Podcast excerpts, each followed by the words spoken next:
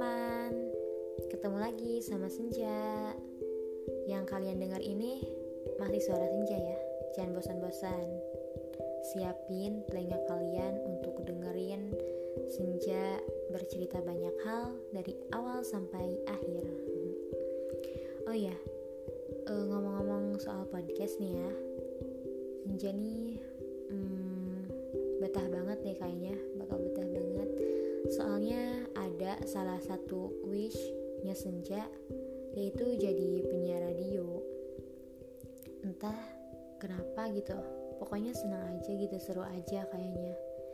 Karena uh, eh tapi di zaman sekarang tuh kayak radio tuh udah jarang banget gitu udah jarang banget didengerin.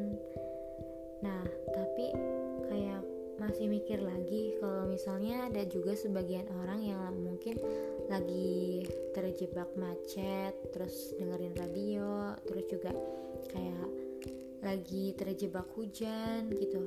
Di warung kopi yang di situ tuh ada radionya jadi dengerin radio kayak gitu sih. Enak aja gitu nemenin orang pas lagi susah-susahnya. Oke. okay. Kita bahas senja lagi aja ya nggak apa-apa. Aku mau nanya nih apa yang terlintas dalam pikiran kalian uh, atau ketika kalian menutup mata dan mendengar kata senja apa yang pertama kali muncul? Kalau aku pribadi nih lihatnya tuh aku lagi duduk di pinggir pantai di bawah langit yang tentunya warna oranye lah. Rasain semilir angin gitu yang lewat tenang banget. Melihat sekeliling. Dan di situ tuh banyak orang-orangnya yang lagi aku perhatiin tuh. Banyak banget uh, macamnya. Cara orang tuh melihat senja di sore menjelang petang. Eh menjelang malam gitu ya. Terus juga di sana tuh ada banyak banget orang dan setiap orang tuh punya cara tersendiri sih untuk melihat senja. Contohnya kayak ada orang yang sambil foto-foto yang bawa pacarnya juga. Ada yang cuma duduk-duduk kayak aku gitu diem aja liatin. Dan bahkan ada yang langsung pergi. Lah kenapa pergi nah dia bilang nih melihat senja tidak akan menyenangkan jika tidak bersama orang yang kita sayang. Terus lanjut ya. Lalu ada uh, orang yang lihat senja sambil foto-foto. Laku tanya. Terus juga dia jawab gitu. Jauh-jauh ke pantai buat lihat senja dan cuman diliatin doang itu sayang rasanya jadi pas pengen nginget-inget lagi momennya cukup lihat foto ini aja gitu katanya. Terus aku tanya nih ke orang yang bawa pacar gitu. Terus dia bilang aku suka lihat senja apalagi liatnya bareng pacar sambil nyenggol temennya. Eh pacarnya?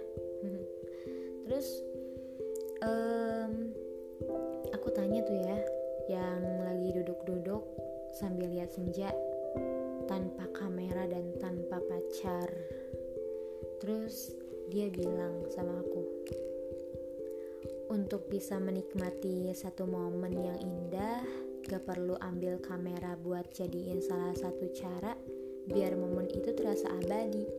Tuhan sudah menciptakan sesuatu yang lebih canggih daripada kamera buatan manusia. Tuhan sudah menciptakan memori di kepala kita dan aku gak perlu lagi kamera, aku cukup mengabadikannya dalam kepala yang dimasukkan ke dalam sebuah ingatan. Dan di sanalah aku akan menguncinya. Gitu katanya. Wah jadi buat merasakan satu momen yang indah ada banyak cara yang dilakuin sama manusia dan semua itu nggak cuma-cuma dilakuin. Semuanya punya alasan dan gak cuma satu alasan. Tapi ada banyak alasan. Dan yang paling harus diingat adalah jangan pernah sama-samakan uh, manusia antar manusia lainnya. Dan ingat juga kalau setiap hal setiap hal yang dilakuin pasti punya alasan.